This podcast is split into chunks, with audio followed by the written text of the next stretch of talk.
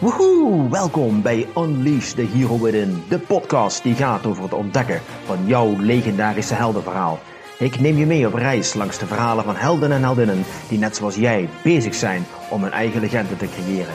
Zij delen hun ervaringen, tips en wijsheden met als doel jou te inspireren om een jemig de pemig fantastisch leven te hebben. Mijn naam is Marcella Heij en you are fucking awesome.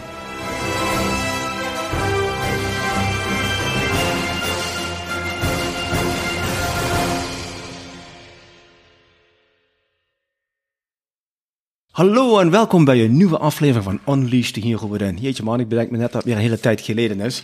Um, ik heb een hele belangrijke vraag aan jou eigenlijk, eh, beste luisteraar. Kun jij je namelijk herinneren wie jij was voordat de wereld tegen jou vertelde wie je moest zijn? En toevallig staat die quote niet alleen op mijn visitekaartje, maar heb ik die een aantal jaren geleden ontdekt bij de vrouw waar ik nou tegenover zit. Evelien van S. Zij is een, um, een, een business life coach eigenlijk, maar ook wel een healer mogen we zeggen. En ze is een auteur van het boek uh, Wees onverbiddelijk jezelf. En daar gaan we natuurlijk over hebben, want ja, we leven in een tijd waarbij een hele hoop mensen tegen ons proberen te vertellen wie we horen te zijn, wie we moeten zijn, wat we moeten denken en vooral waar we ons moeten, hoe we ons moeten gedragen. En ik weet niet hoe het met jou zit, maar no fucking way. Maar ja, als het niet dat is, wat is het dan wel? Hè? Wat is jezelf zijn? Hoeveel mensen zijn zichzelf kwijtgeraakt de afgelopen tijd? Maar veel belangrijker, hoe kun je jezelf weer gaan ontdekken? Want als er één ding belangrijk is in jouw leven, is het om jezelf te ontdekken en jezelf te kunnen zijn. Want dat is waar de wereld behoefte aan heeft. En lucky us dat we vanavond, of vanmiddag, een expert, een expert aan het woord kunnen laten die daar alles over kan vertellen. Ja, Evelien, welkom. Dankjewel. Mooie intro. Nou, dankjewel. Ja, onverbiddelijk jezelf zijn. Ja. Uh, is natuurlijk een hele bijzondere titel, want het had ook zomaar kunnen zijn gewoon jezelf zijn, hè? Ja. just be yourself. Ja. Maar het is onverbiddelijk. En ik, ja, ik weet niet wat de bedoeling daarvan is van dat woord, maar bij mij komt dat heel krachtig Ja. over. Ja, Onverbiddelijk is eigenlijk zonder concessies, zo'n beetje. exact.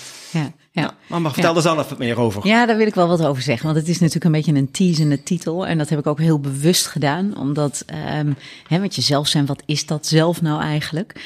Ehm, om daar eens mee te beginnen. hè, Want je hebt natuurlijk je beperkte zelf. Hè? Zelf wat natuurlijk heel erg gaat over je ego en je persoonlijkheid. En je hebt natuurlijk dat hogere zelf. hè, Wat echt voor mij gaat over wat wie je van in, in essentie bent. Wat echt gaat over je core, je ziel. Ehm, en het onverbiddelijke is met name omdat in, in dit boek ik ehm, wat verder de diepte in ben gegaan om mensen ook eigenlijk daarin wakker te schudden en te helpen ook van hoe je meer je eigen ruimte kan ingaan nemen. En dat betekent dus ook dat je jezelf beter mag gaan begrijpen en gaan zien. Want jij zei er net al wat over. Er zijn natuurlijk heel veel mensen die denken zichzelf te zijn. En ehm, ik heb dat in het verleden ook wel heel veel vaker gedacht. Terwijl als ik daar nu op terugkijk, denk ik van nou, hè, was ik nou echt heel erg mezelf? Dat is natuurlijk iets wat een ongoing proces is. Om steeds dichter te komen bij die essentie. En daarvoor is het nodig om hè, de observer te kunnen zijn, om afstand te kunnen nemen. En dat is wat het boek vooral heel erg doet. Dus is onverbiddelijk jezelf heel erg jou helpen om veel meer vanuit een helikopterview naar jezelf te kunnen kijken.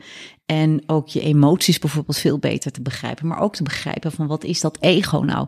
Nou ja, er zijn heel veel thema's die ik in het boek aansnijd. En om even terug te komen op die titel. Het is echt een, een, een oproep. Echt een teasende oproep om Ehm, ja, om vooral jezelf te challengen. Niet te makkelijk te denken. Want, hè, want ik had het een tijd geleden dat iemand aan mij vroeg van... ben jij nou onverbiddelijk jezelf? Ik zei nou, I'm still practicing, but it's never finished. En dat is precies wat het is. Hè? Want als je zegt van ik ben al volledig onverbiddelijk jezelf... dan denk ik dat het leven voorbij is. Want dat, dat is de journey of life. Dat is natuurlijk continu verder dieper gaan en ontdekken en verder gaan. Voorbij aan het beeld wat je in je hoofd hebt geprent in het verleden.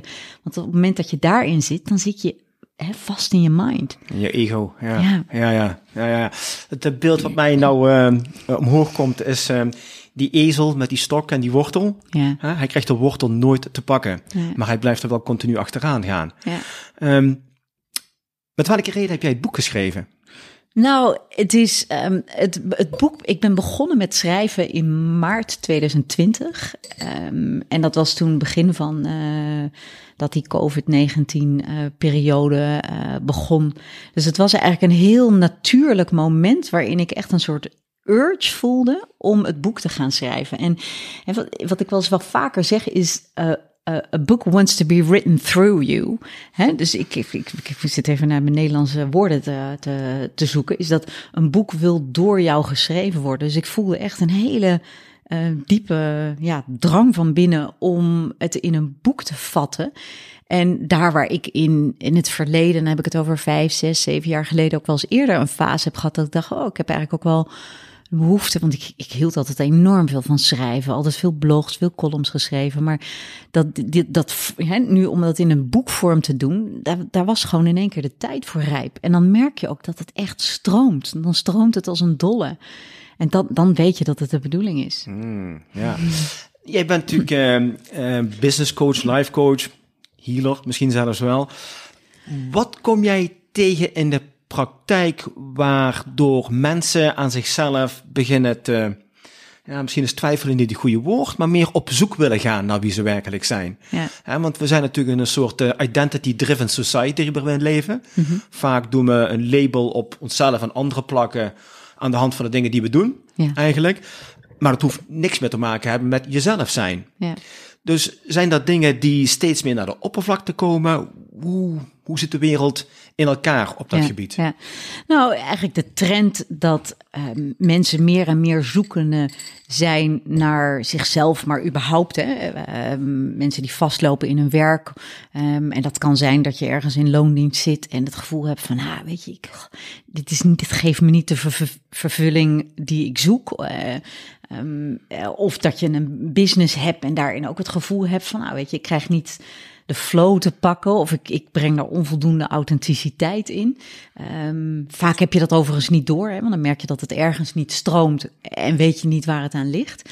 Dus het zijn mensen komen erachter dat het ergens wrikt of ergens schuurt. En dat heb ik zelf natuurlijk ook gehad. Ik ben in 2006 voor mezelf begonnen, dus inmiddels 16 jaar geleden. En, um, en dat was ook in een fase dat ik voelde van, ja, weet je, de jobs die ik in loondienst had, ja, ik, ik kon het daar eigenlijk niet in vinden. En er waren wel dingen die ik leuk vond en waar ik ook goed in was. Maar ik had continu dat ik, dat ik op zoek was naar iets. Maar eigenlijk was ik op zoek naar iets binnenin mezelf. En ik had het ondernemerschap was voor mij het grootste cadeau om daarin echt die, die ontdekkingstocht naar mezelf aan te gaan. En dat is precies wat ik in mijn business ook zie. Ik ben nu, hè, mijn, eh, mijn, mijn coachingsbusiness, uh, ik doe dat één op één, maar trouwens ook in groepen, is dat je merkt dat daarin mensen allemaal op een soort, soort crossroad staan in hun leven. En, en dat kan soms ook een relatie zijn die verbroken uh, raakt, hè, waardoor deze keuze. Maar dat kan soms ook bijvoorbeeld een enorme conflict, een conflict zijn in een zakelijke context, of hè, in vriendschappen of in familiesfeer. Dat kan van alles zijn. Er zijn allemaal momenten waarop iemand denkt: hé, hey, er moet wat veranderen, maar ik heb geen idee wat. Mm. Ja, oké, je zou eigenlijk kunnen zeggen dat uh, de oproep tot verandering getriggerd wordt door een minder leuke ervaring. Echtscheiding, ontslag, burn-out. Ja, en dat is een minder leuke ervaring op het moment dat je erin zit, mhm. Marcel. Mm -hmm. Maar uiteindelijk, het mooie daarvan is dat um, retrospectie, als je erop terugkijkt, dat dat altijd iets is wat op het moment dat je het op een goede manier aanpakt, om er ook echt van te leren en je lessons learned uit te halen en te groeien, dat je het kan zien als een pareltje. Maar in het moment voelt het natuurlijk gewoon als een trauma, als een drama, als een menselijke ellende. Ja, ja. Het doet me een beetje denken aan uh, Sigmund Freud, een tijdje in verdiept eigenlijk. Um, in filth it will be found. Ja. Hè? Datgene wat je het meeste nodig hebt, vind je daar waar je het minst durft te kijken eigenlijk. Precies. Ja, dat vind ik heel erg mooi. De shadows, dat wordt heel erg interessant inderdaad. En dat brengt me ook meteen bij angst eigenlijk. Want ik kan me voorstellen, als je even los van de traumatische ervaring die je meemaakt, hè, ontslag, echtscheiding, ruzie, maakt niks uit wat, dat het ook heel erg angstig kan aanvoelen door ineens op zoek te gaan naar wie je werkelijk bent. Ja. En wat je hier komt doen eigenlijk. Want ja. dat betekent ook dat je alles wat je misschien opgebouwd hebt de afgelopen, weet ik veel, 10, 20 jaar, moet je misschien langzaam gaan loslaten. Ja. En ik kan me voorstellen dat het ego daar een beetje moeite mee heeft. In hoeverre speelt die angst een rol bij onverbiddelijk jezelf zijn? Nou, weet je wat het mooie is? Je ziel kent geen angst. En, um, en dat is, um, wat je ziet, is dat heel veel mensen hebben angsten. Hè? Ik denk dat we allemaal wel op bepaalde vlakken angst hebben. Maar wat, wat, hè, wat de kunst is om jezelf, uh, juist doordat je die afstand gaat nemen en gaat observeren, dat je gaat leren dat die angst niet van jouw essentie is. En dat, um, dat maar dat uiteindelijk natuurlijk uh, angst juist ook wel de makkelijke. Want het is uiteindelijk is natuurlijk iets, dat kan je ook wel, ja, weet je, op het moment dat je um, voorbij aan die angst gaat en echt het avontuur instapt, dan weet je natuurlijk niet wat er gaat komen. Weet je, dus, dat, dat, dus het angst is ook iets, een hou vast aan het bekende waar mensen zich dan op een bepaalde gekke manier eigenlijk heel veilig in kunnen voelen. En waardoor ze toch in een situatie blijven die eigenlijk heel ellendig aanvoelt. Ja. En dat, hoe, hoe crazy is dat eigenlijk? En um, ja, en ik denk dat ik heb zelf, als ik kijk naar mijn eigen proces, um, afgelopen zeker tien jaar, ben ik ook wel heel bewust bezig geweest met wat is die angst en waar gaat dat over? En heb ik zelf angst? En dat ik het ontdekt heb, is door daar dat te ontstijgen en te ontdekken dat eigenlijk hè, alles in het leven gaat over een keuze voor liefde en vertrouwen of angst, met alles wat er is in het leven, dat dat gewoon een keiharde keuze is. Ja, kiezen voor angst versus liefde, inderdaad. Ja, ja. ons brein kan er dan nog een beetje in de weg bij gaan zetten. Want die gaat allerlei verhalen vertellen waarom het toch beter is om te kiezen voor angst ja. versus liefde. En wat je net ook aanraakte, ik ken ook de verhalen van mensen die er liever voor kiezen voor het gegarandeerde slechte, dan dat ze het risico nemen om iets beters te krijgen. Ja, ja, ja dat, is, dat is heel bijzonder. Dat is toch heel krachtig eigenlijk. Hè? Ja. Hoe zie jij dat in de praktijk terug bij de mensen die jij helpt? Ja. In hoeverre laten mensen zich over het algemeen zo tegenhouden door angst? Heel veel, heel veel. Ja, merendeel van de mensen. En dat, uh, maar tegelijkertijd, hè, dat merk ik wel, de mensen met wie ik werk, dat, dat het, het merendeel daarvan wel Weet je, ook juist doordat ze op zo'n kruispunt in hun leven staan, wel vatbaar zijn om een andere manier van leven, een andere manier van zijn te gaan adopteren, omdat ze merken dat dat oude toch echt niet werkt. En dat vind ik ook het mooie aan werken met mensen die natuurlijk al wat levenservaring hebben. Weet je, die hebben al vaak veel dingen geprobeerd en die zien ook steeds van ik, diezelfde patronen die komen maar terug. En die zien op een gegeven moment ook wel dat die angst hen heel erg gevangen houdt, maar weten dan eigenlijk niet hoe ze het kunnen doorbreken. En, um, en wat ik doe, is mensen ook echt helpen om veel meer uit dat denken en echt dieper in dat voelen te kunnen zinken. En dat vind ik zo mooi aan het werken. Jij stempelde me net wel even ook als, als healer, is dat ik um, daarbij juist ook hè, in het moment met de mensen met wie ik werk, ze help om ook het onzichtbare zichtbaar te maken. En dat, dat is ook een heel intuïtief proces. En dat is mooi, hè, dat je gewoon echt je, je, je, die harde kant, hè, ook de strategie en het vooruit kunnen denken en, en tien stappen vooruit al zijn en dingen voor je klant al kunnen zien. Maar tegelijkertijd heel erg in het moment diegene helpen om iets tot een, tot een bepaald ja, uh, laagje te komen waar die zelf eigenlijk ja, niet zo bekend mee is. Oh, dat vind ik zo mooi. Ja, ja, ja nou, dat geloof ik. Ik heb ooit gelezen dat uh, de twee drijfveren zijn verlangen of pijn. Ja. Um, en ik, volgens mij is pijn een krachtigere drive dan verlangen. Ja. Want verlangen is iets wat je wilt hebben. Dus dan kun je nog op een gegeven moment uh, concessies doen en zeggen van nou, ik neem het minder genoegen. Ja. Maar als de pijn maar hard genoeg is, ja, wie wil er nou leven in pijn? Ja. Toch? Nee, absoluut. Dus als je, is dat ook hoe jij te werk gaat, dat je eerst de pijn of de angst gaat uh, identificeren? Of was het eerst op zoek gaan naar wie ben je, wat wil je echt, zeg maar het verlangen. Ja. En dan op zoek gaan naar de obstakels die dat verlangen in de weg staan. Ja, nou, wat ik, ik, ik heb in mijn, in mijn manier van werken ook een eigen methodiek uh, ontwikkeld. En wat ik daarbij doe, is mensen ook echt wel helpen om eerst eens terug te gaan naar hoe ben je eigenlijk gekomen tot waar je vandaag de dag staat. En ik gebruik daarin zeker ook het verlangen, maar dan gebruik ik verlangen niet van dat wat je wil, maar dat wat echt je dieper liggende zielsverlangen is. En, um, en ik merk dat op het moment dat, dat men helderheid krijgt over wat uh, hun persoonlijke signatuur is, hè, dan wil je echt je innerlijk kompas. Dus dat dat wel een heel belangrijke basis is om van daaruit te kijken naar, hey, en waar loop je dan vervolgens tegenaan? Dus dat eigenlijk gebeurt dat een beetje hand in hand. En, um, en dat proces van komen tot die, die, die, die basis van dat persoonlijke signatuur is eigenlijk al een heel belangrijke basis leggen om überhaupt onverbiddelijk jezelf te kunnen zijn. Omdat je daarmee eigenlijk uitpluist. Uh, wat is dat dat hogere zelf versus wat is dat beperkte zelf. Omdat mensen heel vaak geneigd zijn om dat zelf te identificeren, maar dat gaat dan over dat beperkte zelf en dat ben je helemaal niet. Hmm, ja, dat vind ik wel een hele mooie. Daar wil ik even verder op inhaken. Uh, wat je wilt versus je zielsverlangen. Want ten eerste, ja, hou de fuck moet ik weten wat ik echt, echt wil. Ja. we kunnen vaak denken dat we weten wat we willen, ja. maar wat we echt willen, Mhm. who knows. En daarom vind ik dat zielsverlangen wel heel erg mooi, want ja, als er iemand is die het weet, dan is het de ziel wel, toch? Ja. Dus ik kan wel denken dat ik weet wat ik wil, maar misschien klopt er helemaal niks van, want zegt Nee. mijn ziel, ja wacht eventjes, het lijkt er misschien wel een beetje op, maar dit is het echt. Mhm. Dus eigenlijk ga je misschien wat minder luisteren naar wat mensen willen, want ja, wat weten mensen nou eenmaal, maar ga je proberen dat zielsverlangen op te graven, Ja, ja, toch? ja absoluut, absoluut. Nou, dat is wel interessant, want ik denk, misschien met mij meerdere mensen die zeggen van, hoe doe ik dat dan? Ja. Hoe kan ik nou meer contact maken met mijn zielsverlangen? Ja, ja. ja, en weet je, en het, het mooie is, is dat, hè, dat, dat hetzelfde als dat mensen wordt vragen van, goh, ik wil meer voelen en hoe kan ik meer voelen? Eigenlijk het moment dat je dat zegt, is dat eigenlijk een bevestiging van dat je vervreemd bent geraakt van die eigen essentie.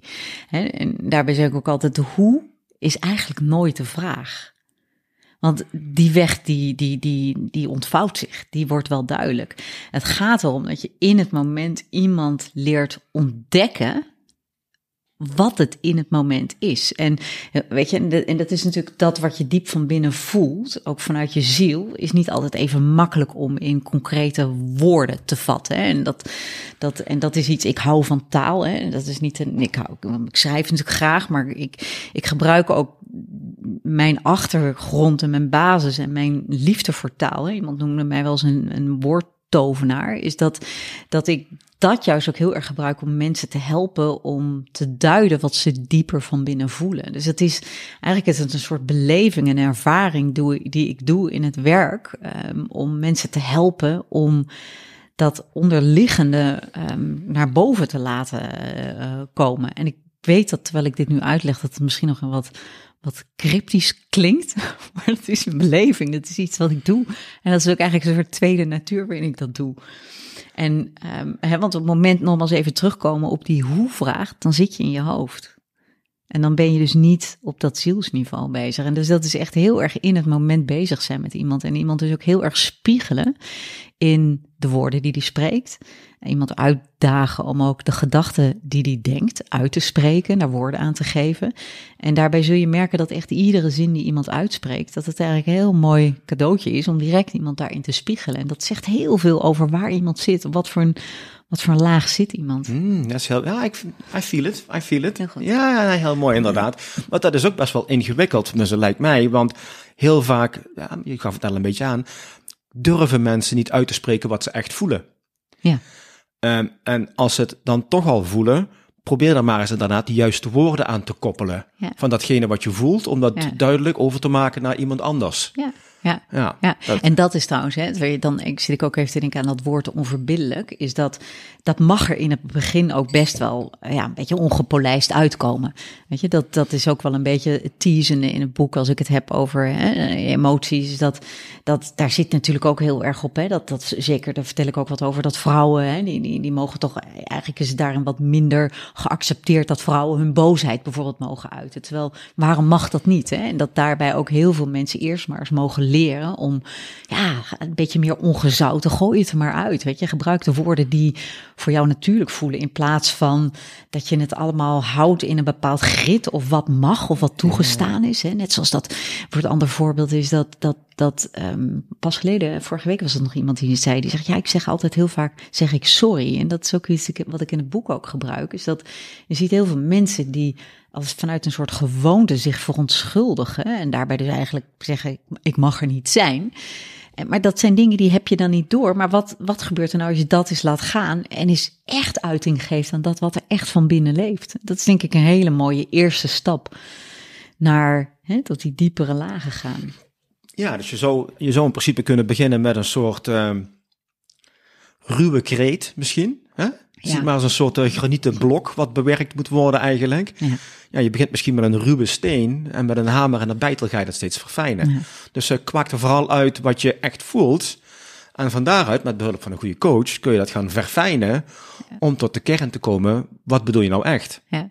En dat is het ook, hè? als je het dan hebt over die ruwe diamant, zoals ik het dan noem, is dat we leren natuurlijk heel jong in ons leven, al vanaf ons derde, eigenlijk vooral heel veel wat we niet moeten doen, wie we niet moeten zijn. Hè? Want je moet zus zijn, je moet zo doen en dit doen, dat doen. Terwijl eigenlijk die ruwe diamant, dat het mooie is, dat op het moment dat we dat meer zijn en daar meer naar toe gaan en daarin afzakken, je dan ook veel beter weer kan herinneren wat jouw purpose is en wat je hier te doen hebt en waarom je hier bent. En dat is wat we uiteindelijk willen. Weet je, want we willen geen eenheidsworst. We willen niet dat iedereen is op een bepaalde manier. Weet je, en dat is juist ook iets wat ik ook ondernemers help die bij mij komen. En, hè, want die hebben dan vaak ook heel veel trainingen gevolgd, veel cursussen. En die weten precies, hè, dat moet je doen om dit te doen. En, en zeker ook qua marketing tricks. Maar uiteindelijk gaat het om, is dat je echt je eigenheid erin weet te gieten. En van daaruit gewoon je eigen pad bewandelen. Want er is niet één weg. Jij bent de weg. Dat is de mm-hmm. essentie. Ja, ik vind dat trouwens wel een hele mooie, want dat woord triggerde wel iets bij mij. Herinneren. Ja. dat je kunt herinneren waarom je hier bent. Ja. Dat is natuurlijk wel interessant, want het wordt eigenlijk alleen maar uitgeslagen hier. Zodra we hier geboren worden, we gaan naar school, hè? de eenheidsworst. We krijgen allemaal dezelfde opleiding. Dus ja, ze doen wel heel erg hun best om onze zielsmissie in de vergetelhoek te brengen eigenlijk. Precies. En dat, nou, het gaat van de hele tijd goed natuurlijk, maar er komt een keer een hele hoop shit naar boven. Nou goed, dat zien we in het dagelijks leven allemaal om ons heen. En om je daaraan te helpen herinneren wie je werkelijk bent en wat je hier komt doen. Hè? Dan kom je even terug op die zielsmissie. Ik geloof dat namelijk ook. Ik geloof ook dat er echt een reden is waarom wij geboren zijn. Ja.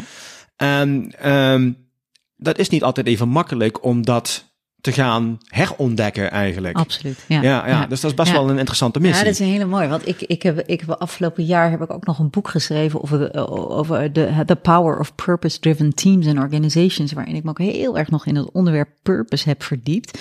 En dat is het. Hè. Heel vaak hebben mensen een idee van ik moet een purpose vinden. Maar vinden suggereert heel erg dat je het ergens in de buitenwereld kan ontdekken. Terwijl wij worden allemaal op deze aarde geboren met een purpose. Alleen door onze vorming, door onze nurturing, raken we daarvan verwijderd. En is dat dus de kunst om daar weer opnieuw mee in verbinding te komen? En daarom gebruik ik ook heel bewust dat woord herinneren. He, wat je zegt, en dat is een ontdekking, maar die zit binnenin jezelf. Mhm. En daar is natuurlijk he, door de interactie die we hebben met elkaar als mensen op je werk, maar ook in je sociale kring, in relaties, die helpen ons spiegelen om uiteindelijk daar steeds dichterbij te komen. Maar dat is het. En dat, uh, ja, dat prachtig proces. Ja, ik, I completely agree. En daarom is het ook zo ontzettend belangrijk dat je je omringt met niet alleen de juiste mensen, maar ook de juiste input. En wel, hè, vroeger had je de uitdrukking, je bent wat je eet. Ja. We weten allemaal dat het hè, beter is om een portie broccoli te eten in plaats van een portie bitterballen. Ja. Maar eigenlijk zouden we dat op een veel dieper niveau moeten doortrekken. Ik ja. Kijk eens naar het nieuws aan de krant. Dat is, gewoon, dat is gewoon poison. Ja, dat is poison for our mind. Ja, ja. En toch hechten zoveel mensen daar zoveel waarheid aan.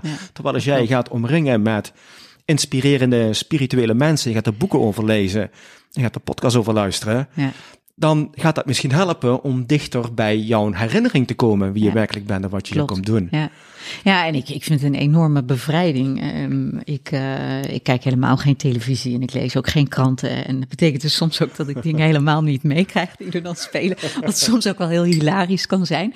Maar ik lees verschrikkelijk veel. En ik, weet je, ik, ik ben op heel veel manieren bezig. Maar dat, dat is allemaal eh, om mezelf daarin te verrijken. En mezelf daarin onder te dompelen. En dat, dat is voor mij heel fijn. En daarbij is het mensen om je heen verzamelen. die ook daarin um, oordeelvrij zijn. En jou heel erg helpen om ook je onverbiddelijke zelf te laten zien. is heel essentieel. He, en, dat, um, en dat oordeelvrij zijn. Ik heb daar ook een hoofdstuk over geschreven in, uh, in mijn boek.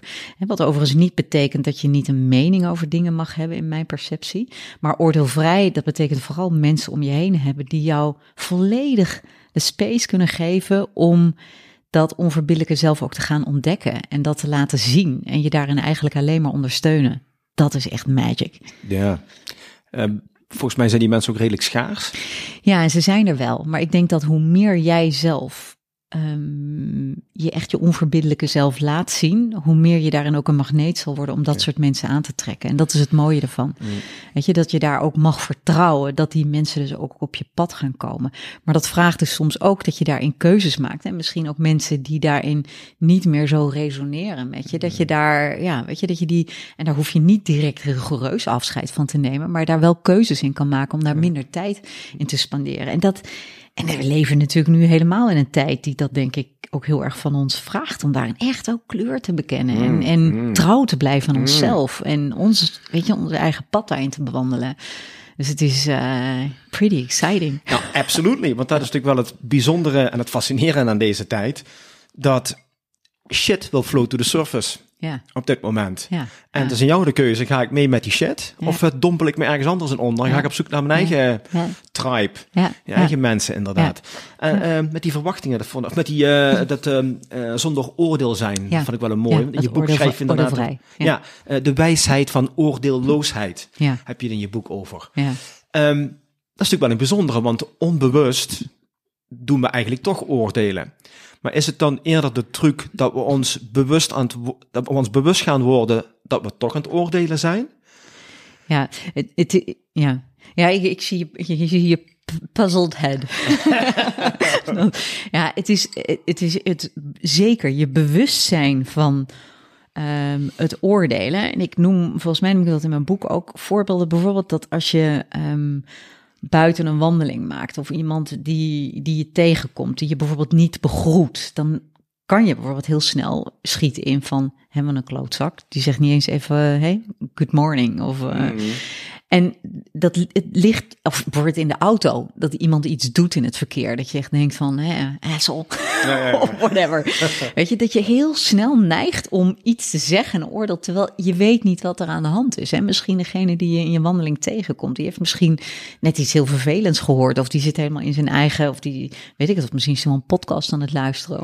of is hij iets aan het doen, waardoor je helemaal ja, daarin uh, meegezogen wordt. Dus het, het, het, het leren je he, van dag tot dag, van minuut tot minuut bewust te zijn. En het is niet erg dat je bij jezelf merkt van, hé, hey, ik merk hier dat ik een oordeel heb. Maar wel door jezelf bewust te zijn van hoe je jezelf gevangen kan houden op het moment dat je heel erg bezig bent naar oordelen. Uh, andere oordelen. Omdat uiteindelijk heb je daar niets aan. Het is een hele zinloze uh, ja, bezigheid. Pak je jezelf en, mee. Ja, en, en juist ook denk ik meer leren om met compassie naar andere mensen te kijken. Hè? Want ja, weet je, ieder mens heeft, heeft dingen die hij meemaakt waar we helemaal geen notie van hebben. We zijn altijd zo bezig met de buitenkant. Hè? Over mensen die hè, succesvol zijn of dit en dat. Dat is allemaal de buitenkant. En ik denk dat dat is inmiddels toch wel heel duidelijk gebleken. Dat dat, dat dat levert ons niets op. Dus ga dan maar gewoon je eigen weg bewandelen en daarmee bezig zijn. En op die manier puur tot je essentie komen. Zodat je dat ook wat je hier te doen hebt dat je je daarop kan richten. Ja. En um, dus het is, het is vooral ook niet jezelf het kwalijk nemen op een moment dat je eens een keer in een oordeel schiet. Maar vooral het zien en het los kunnen laten. En daar compassie voor in de plaats kunnen voelen. Mm, ja. ja, meer compassie. Dat zou een hele mooie zijn, inderdaad. Ja. Um, over zelfliefde heb je het ook uitgebreid uh, in ja. je boek. Ja, een hele belangrijke. Hele belangrijke. Ja, iets wat ik ook in mijn praktijk al zoveel jaren ontdek, is dat bij heel veel van de mensen met wie ik mag werken, ik erachter kom dat het in de basis, eigenlijk gaat over een gebrek aan zelfliefde. Weet je, we zijn natuurlijk als mensen heel kritisch naar onszelf. Toen heb jaren geleden schreef ik eens een keer een blog, de grootste vijand, dat ben je zelf. En dat is wel wat het is. En um, ik vind het ook wel pijnlijk, ook schrijnend, als je um, soms hoort ook mensen um, dan ook over zichzelf praten en over hun zelftwijfel en wat ze niet waard zijn of dat ze dit vinden en dat ze dat vinden en ze meer bewust maken ook van hoe hoe verschrikkelijk negatief, echt vernietigend mensen over zichzelf kunnen zijn, soms in woorden, maar ook in gedachten. Um, dan denk ik van, maar wie ben jij om zo ook over jezelf te oordelen? Ik vind dat heftig, dat ook echt heel pijnlijk. Dus dat, dat bewustwordingsproces van hoe essentieel het is dat je begint bij de basis. En die basis begint bij jezelf zien, ook als een, ja, wat is het, een, een, een, een goddelijk bijzonder wezen, wat hier op aarde niet zomaar is. Wacht, wat een waste of time and energy. Als je alleen maar bezig bent om tegen jezelf te zeggen: van een lul ben ik eigenlijk, Ja. van een klootzak, of ik doe dit niet goed, of dat niet goed, of ik heb dat. ehm, ja, ik heb, ik heb daar een rommeltje van gemaakt. Dan ben je eigenlijk alleen maar als een soort hamster in een, in een molentje aan het draaien. En eigenlijk maar met je eigen ellende bezig. En ben je Ja. dus niet je purpose aan het leven. Dus het is, het is nogal zinloos. Ja, je verkwist ook kostbare tijd, ja. Absoluut. Ja, ik heb wel Ja. eens gelezen dat eh, de meeste mensen zijn liever voor een eigen eh, huisdier dan voor, dan, eh, dan voor Ja. zichzelf. Ja, Ja. En als je tegen jezelf zou praten, als het tegen je vrienden zou praten, zou je verrekt te weinig vrienden over hebben. Absoluut, absoluut. Je zou het niet eens durven. Je zou de woorden niet eens uit durven spreken naar je vrienden. Van wat je eigenlijk in essentie over jezelf denkt. En dat geldt voor veel mensen zo. Dus die basis van dat echt kunnen jezelf kunnen, kunnen liefhebben. Of ook überhaupt volmondig. Als ik jou vraag van hou je van jezelf. Zijn er zoveel mensen die dan eigenlijk stilvallen. En er geen ja op kunnen zeggen. En als je ze vraagt van hem, hè, vertel eens, wat, wat, hè, wat, waarom hou je eigenlijk van jezelf? Heftig is dat. Ja. Ja, dit, is- deze, deze is wel, eh, dat is wel een hele essentiële. ja, dat geloof ik ook. Ehm, wat denk jij waar dat vanaf komt? Dat gebrek aan zelfliefde bij zoveel mensen. Nou, het is, ik, ik- net hadden we het al even over hoe wij van jongs af aan natuurlijk heel snel al eigenlijk met het vingertje eh, meekrijgen ook over ehm, ja, wat we wel, wat we niet moeten doen. En ik denk als je kijkt ook naar de westerse wereld, ons schoolsysteem, is dat de basislessen eigenlijk die, ehm, die veel van ons wat later in hun leven leren over waar gaat het in het leven nou echt om? Wat, wat is nou onze purpose? Hoe gaan we nou eigenlijk met elkaar om? Wat is zelfliefde? En wat is het hebben om compassie te hebben? Wat is het om oordeelvrij te zijn? En ehm, al dat soort thema's, eigenlijk leren we daar maar bar weinig van op school. Tenminste, ik niet. En als ik kijk naar mijn eigen kinderen, ehm, in hun tienerleeftijd, hebben ze dat, leren ze dat dus ook niet. Dus wij missen daarin, denk ik ook in ons onderwijssysteem, heel veel echte, essentiële lessen. Die we eigenlijk daardoor pas veel later door allerlei trauma's, allerlei hè, blauwe plekken die we oplopen in ons leven, hè, door die pijn die je net zei, dat we dat eens mogen gaan oprakelen en vervolgens weer eens terug mogen komen om te ontdekken van hé, hey, wat is dat eigenlijk om van onszelf te houden? Terwijl ik denk dat zou een van de basislessen op school mogen zijn, al vanaf de basisschool. En dat, uh, ja, ik hoop dat daarin er een tijdgeest gaat komen waarin dat er heel anders ziet. En ik denk, als je kijkt naar heel veel hè, culturen, een beetje in het oosten, die boeddhistische invloed, ik denk dat dat daar al een heel anders eraan toe gaat. Hè? Maar ik denk dat, dat er toch heel veel delen in de wereld zijn waarin dat uh, toch erg nog in de vergetelheid ergens ja. geraakt is. Ja, het heeft zijn voordelen om in het westen te wonen, maar what a price we have to pay. Ja, ja, ja. vaak wel inderdaad. Maar dat is heel bijzonder inderdaad, want ja, als je dit pad gaat bewandelen, dan vraag je inderdaad af, waarom, waarom wordt het niet meer op school gegeven? Ja. Uh, waarom, waarom wordt er zo weinig mee gedaan? Ja. ja. Nou, weet je, ik denk dat dat een, een, het grote proces is, als je het eigenlijk van een, van een groter plaatje uit bekijkt, ook gaat juist om um, de bewustzijnsvergroting waar we nu met elkaar in zitten. Individueel, maar ook collectief zijn. Zitten we natuurlijk wel in een mega transformatie. Geen idee hoe lang dat duurt, maar ik denk dat wat er nu gebeurt, uh, deze periode, daar wel een katalysator in kan zijn van mensen om, om daarin um, ja, die ontdekkingstocht te gaan doen. Dus, het, dus ik denk dat dat absoluut wel, wel gaat gebeuren, maar ja, het zal nog wel een taai proces worden.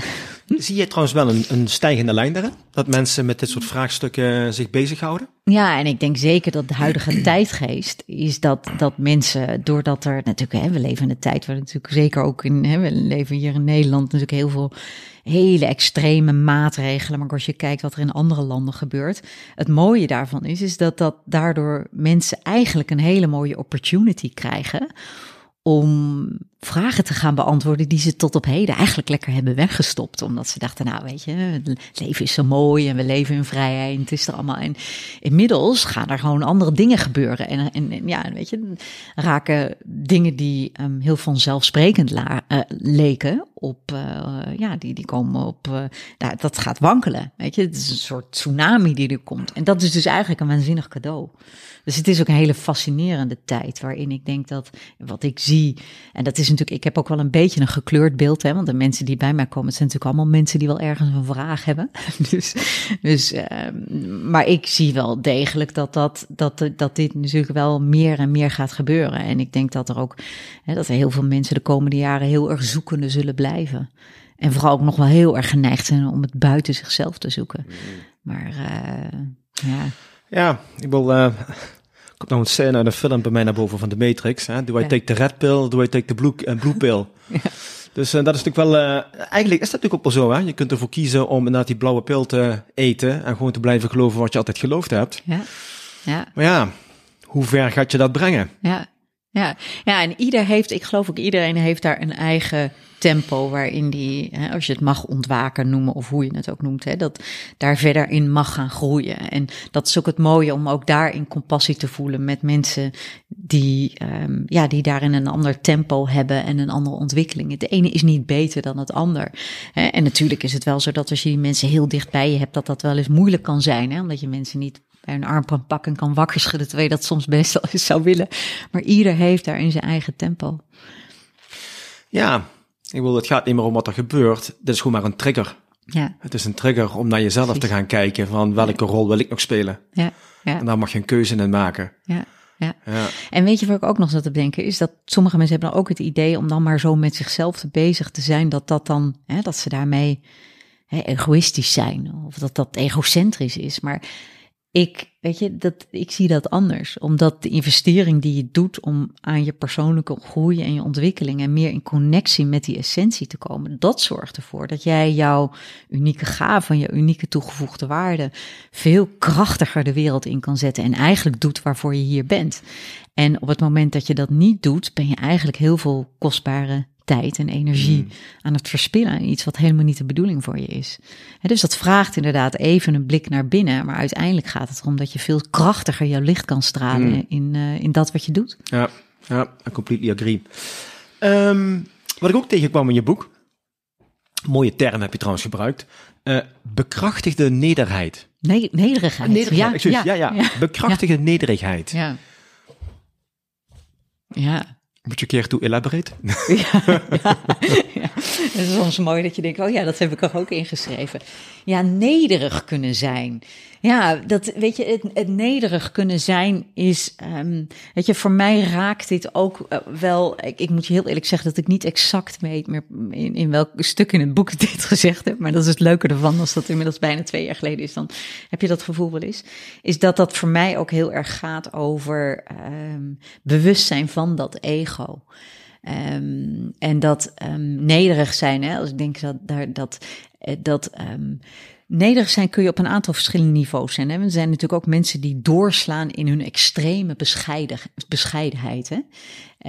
En daarbij juist niet hun ruimte innemen, niet hun space innemen en dat meer zouden kunnen doen.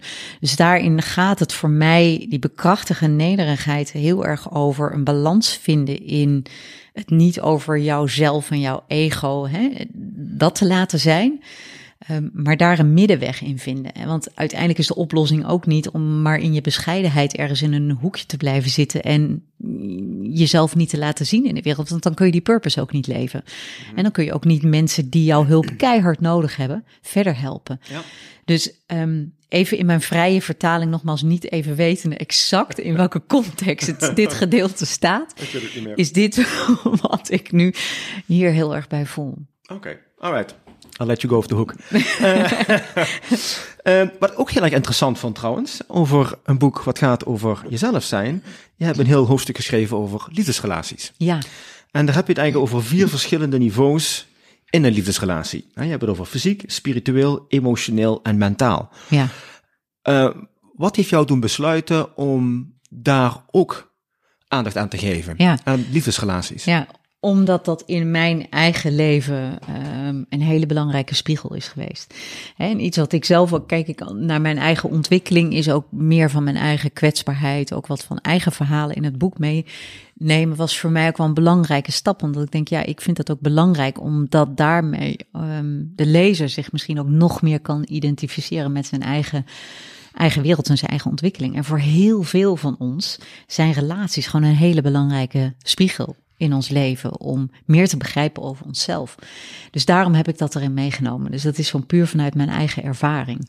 En, um, en hoe waardevol voor mij is het ook. Hè, dat ik, wat ik in mijn boek ook zeg, is dat voor heel veel mensen die hebben een bepaalde insteek in hun leven. En dat, kunnen, dat kan dus of je werk zijn of relaties, die eigenlijk een soort rode draad vormen van continu. Dat die lessen maar weer op je pad mm. komen.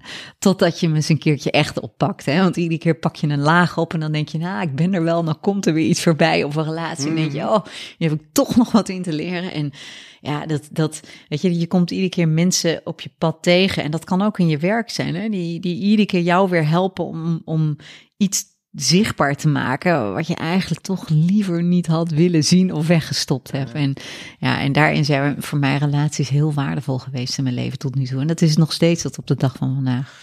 Ja, kun je misschien iets meer vertellen over die vier niveaus? Over die vier niveaus. Ja, ja. Ja, nou, um, je hebt natuurlijk in, in relaties heb je natuurlijk. Um, je bewustzijn van wat de basis is van een verbinding in een relatie. Want er zijn natuurlijk sommige mensen die een hele duidelijke, hele fijne fysieke relatie met iemand hebben en daar heel gelukkig mee zijn. Wat ik zelf heb ontdekt is dat vooral ook op het verdiepen, echt op het spirituele niveau. En als het gaat om, ik zou dat ook kunnen noemen, een soort energetisch compatible met elkaar zijn een hele essentiële basis is voor langdurige, wat meer bestendige relaties om ook met elkaar mee te kunnen groeien. En hè, mentale relaties, dat kan bijvoorbeeld zijn dat je juist ook heel erg goed op het mentale vlak met iemand kan levelen en bepaaldezelfde gedachten hebt. Um, en dan zit ik even te denken, nou heb ik er vier, die heb ik even, we hebben fysiek, emotioneel. Dat je op het emotionele vlak, weet je, dat het voor jezelf belangrijk is om de relatie waar je in zit, heel goed scherp te kunnen hebben van hoe zit het met die vier niveaus. En weet je, dat net als een, een ideale stoel heeft vier poten, er zijn ook stoelen die met drie poten wel goed staan. Maar hè, met twee wordt het toch wel wat lastiger. en met één is het redelijk kansloos. Tenzij je een hele mooie brede, brede poot hebt. Maar uiteindelijk is het voor jezelf, is dat, weet je, wij leven natuurlijk heel erg in een maatschappij waarin we allemaal leren van, joh, hè, we, we, we, hebben allemaal een relatie of we stappen in een huwelijk en dat is je partner waar je dan de rest van je leven mee moet zijn. Maar uiteindelijk ben ik ervan overtuigd, um, en dat is mijn levenservaring, dat is ook mijn levensmotto, is, is dat een relatie daarin iets heel mooi, moois is, maar vooral ook om jou continu te helpen spiegelen en te groeien en te leren. En dat, dat het daarbij voor jezelf heel goed is om je echt heel goed bewust te zijn van die vier niveaus die je in je relatie hebt. En ik wil daarmee niet zeggen dat op het moment dat een van die poten minder aanwezig is, dat daarmee je relatie niet goed is. Nee, maar wel het bewustzijn ervan en dat in combinatie met jezelf in essentie en je eigen ziels uh, essentie kennen, weten van wat is daar een, een, relatie in die ervoor zorgt dat ik mijn pad kan bewandelen op de manier waarop de bedoeling is. Dat dat, dat met elkaar matcht. Mm. En dat je niet omwille van een soort angst van hè, er is niks anders of niks beters, dat je jezelf gevangen houdt in iets wat mogelijk jouw zielsontwikkeling kan belemmeren. En dat is denk ik wat ik ook wel zie, is dat, dat soms mensen ja, weet je, zelfs ook in een ondernemerschap een partner kunnen hebben die dat totaal niet ondersteunt. En dat het soms ook zelfs dwarsboomt. Weet je, en dan gaat het natuurlijk ook over hoe, hoe belangrijk is het dat je dan daar ook een mentaal compatible iemand hebt die jou daarin ondersteunt. En ik denk dat op het moment dat je energetisch compatible bent, dat iemand ziet dat iets zo belangrijk voor jou is. Hè? Dat jij zegt van nou, ik ga die stap nemen en ik ga verhuizen en ik ga naar het buitenland toe, is het natuurlijk heel essentieel dat je een partner hebt die je daarin omdat hij weet ook dat dat voor jouw zielsontwikkeling heel cruciaal is. Dus het is even, ik kan er nog heel veel meer over zeggen, maar dit is denk ik even wat ik er nu over wil delen. Waarom die vier niveaus en het ontrafelen daarvan zo essentieel is en waardevol is. Ja, nee, maar dat is duidelijk. Dat is duidelijk inderdaad, ja. Maar het is inderdaad, uh, ja, relaties, ik bedoel, Jesus, ja, daar kun je inderdaad uh, uren over praten en dan kom je er nog niet uit. Dus, uh, ja, I know. Um, wat ik ook wel interessant vond, um, en nou weet ik ook de context niet meer trouwens. Um, weten dat je gaat falen en het toch gaat doen. Ja. Dat is wel een interessante, want um, kijk, eh, vaak beginnen mensen ergens aan. Oké, okay, je, je, loopt het kans om te falen. Ja. Um, oké, okay, dat weten we. Dat, Oké, dat gebeurt. Hè? Dan kies je toch om het te gaan doen.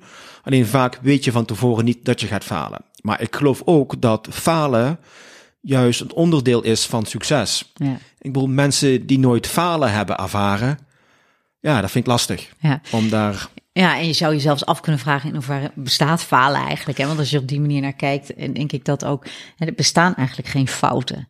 Hè? Dat, ik, dat ik denk dat alles wat we doen, en, en dat, dat gaat ook een beetje over die mildheid naar jezelf toe.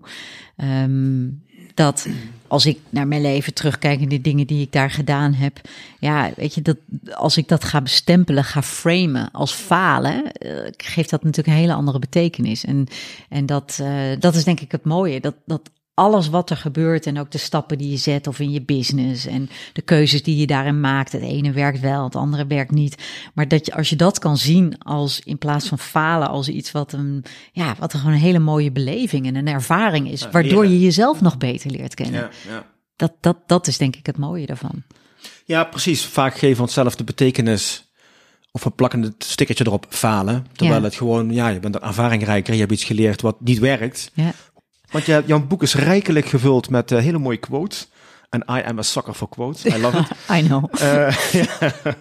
En ehm, wat ik een hele mooie vond, is bijvoorbeeld: Our need for control keeps us from what we desire. Ja, Dat is wel een mooie. absoluut. Ja. Absoluut. Die controle. Ja, Ja, Ja, dat is, dat is weet je, dat, ehm, we hadden het net al even over hè, het verlangen, het, echt dat zielsverlangen is, maar dat, en ook natuurlijk over de stap en de angst ehm, om, om ergens uit te stappen, is dat eh, controle hebben, het overzicht hebben en juist ook daardoor misschien wel in een bepaalde ellende blijven zitten, daar gaat deze quote heel erg over.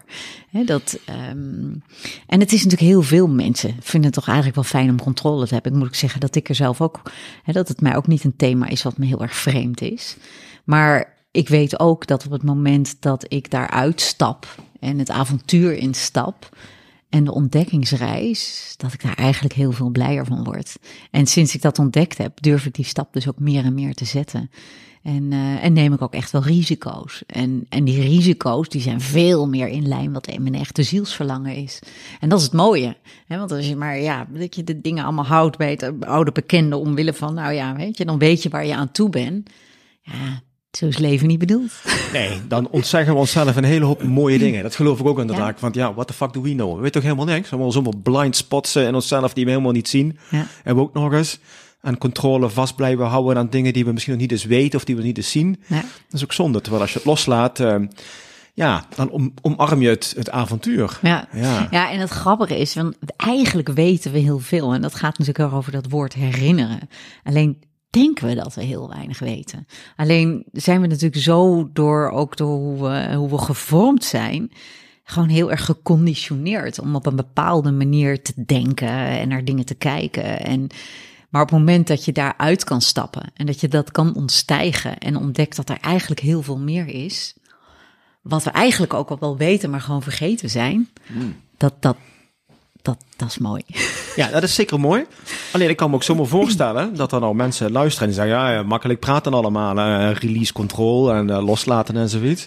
Maar hè, ik kan me zomaar voorstellen dat er een hele hoop situaties zich voordoen waarbij je juist heel erg de behoefte voelt om die controle vast te houden. Zouden dat dan juist de momenten zijn om het niet te doen, om het los te laten? Wanneer, wanneer kan ik een signaal interpreteren of een gevoel of een emotie interpreteren als een reden om het juist los te laten? Ja, ja dat, is, dat is een mooie. Want uiteindelijk gaat het om dus op het moment dat jij meer leert en leert om vanuit het intuïtieve en vanuit de ingeving te leven. Hè, dus dat is eigenlijk meer het onverbiddelijke zelf zoals ik het bedoel in mijn boeken, echt vanuit je essentie. Dan leer je dus ook veel meer vertrouwen op dat wat je voelt, dat dat klopt. Hè? En we hebben allemaal wel eens zo'n gevoel van, hè, I told, you know, of achteraf dat er iets gebeurt, gebeurt en dat je denkt van, hè, I told you so. Dat was je intuïtie. Alleen soms kiezen we ervoor om dat te overstemmen door onze gedachten en dan niet die keuze te maken, maar achteraf dan weet je het direct.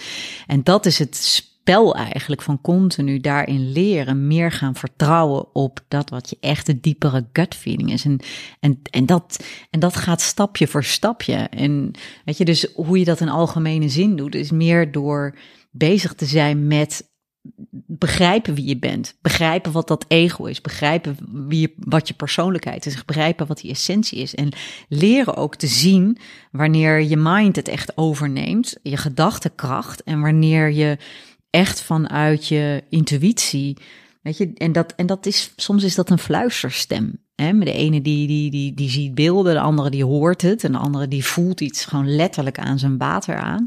En dat is, ja, dat is gewoon echt een, een ontdekkingsreis om daar meer en gewoon dichterbij te komen en van daaruit te gaan leven. Ja, er is ook moed voor nodig, denk ik, hè? Ja, het is, het is niet, de, weet je, niet altijd de makkelijkste weg, maar in the end, it's the only road. Want dat ben jij. Ja, ja. Ja, daarom, ik heb me, storyteller, ik me verdiept in de verhalen die mensen vertellen op een sterfbed.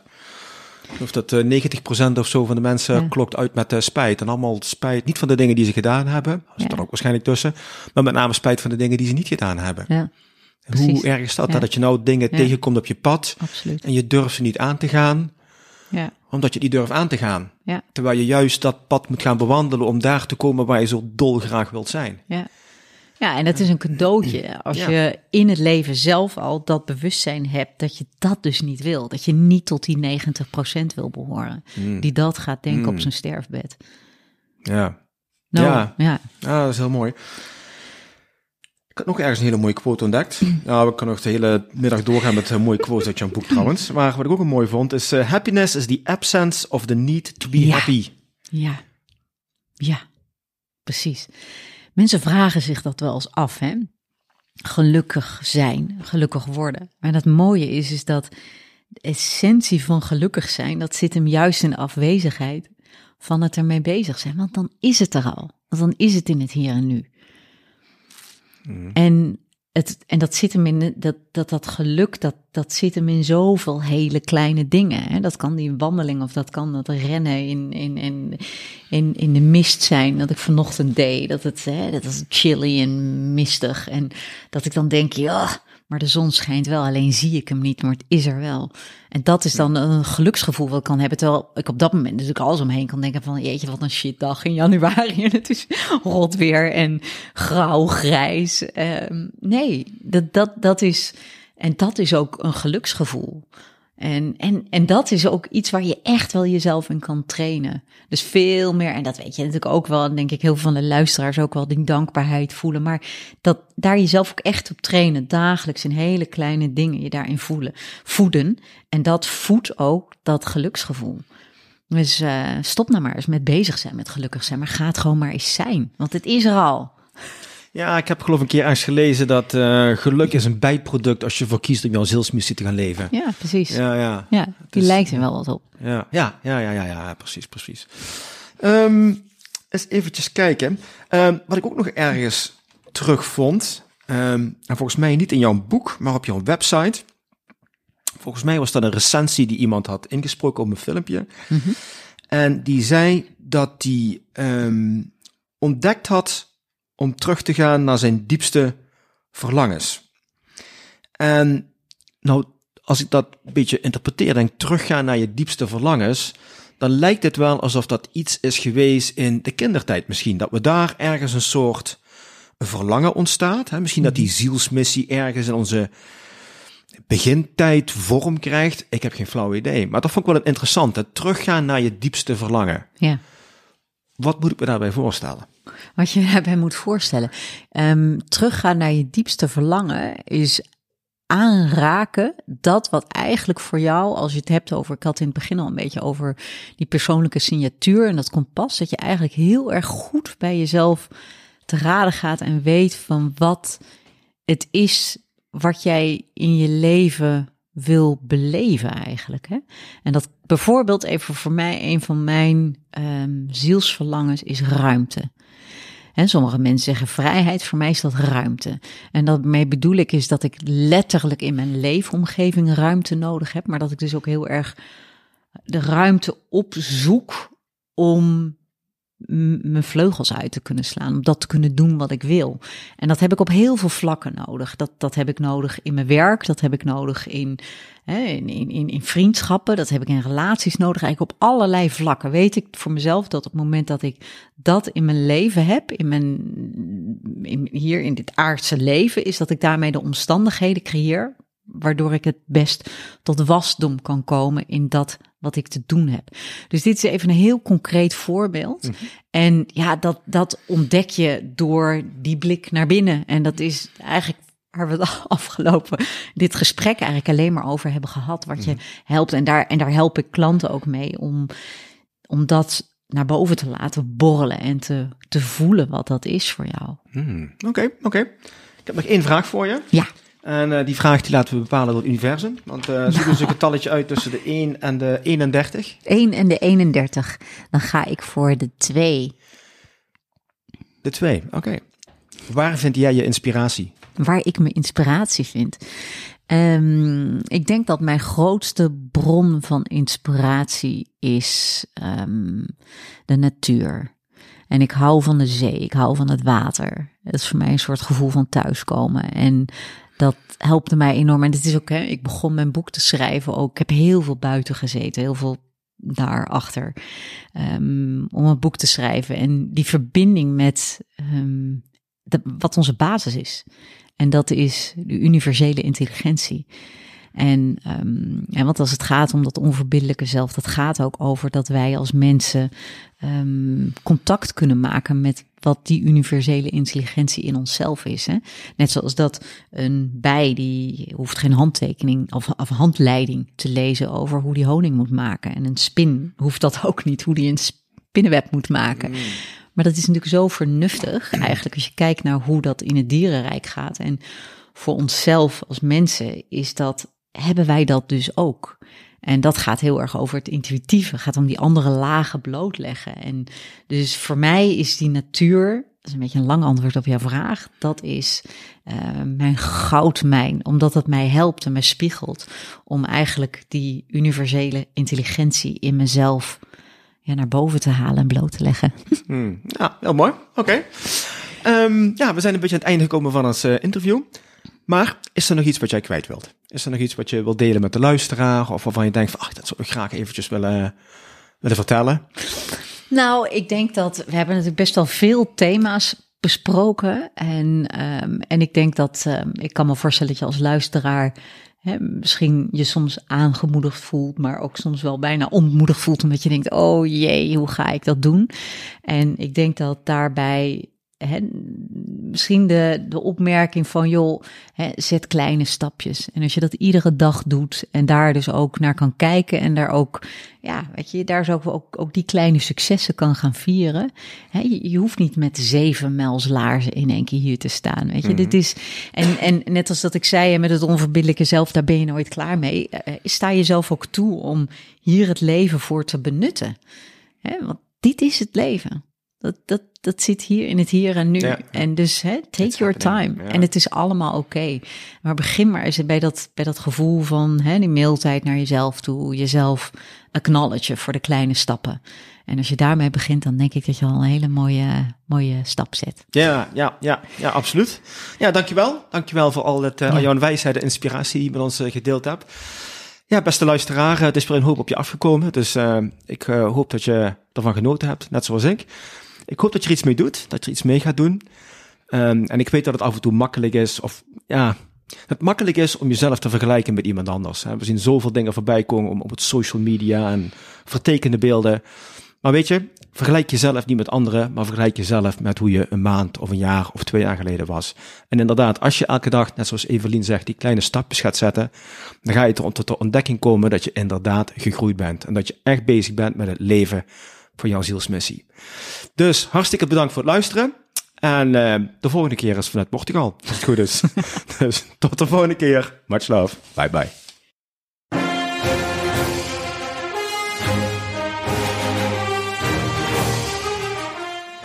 Ik hoop dat je net zoals mij weer hebt genoten van de mooie verhalen van mijn gast en er hopelijk iets aan hebt gehad.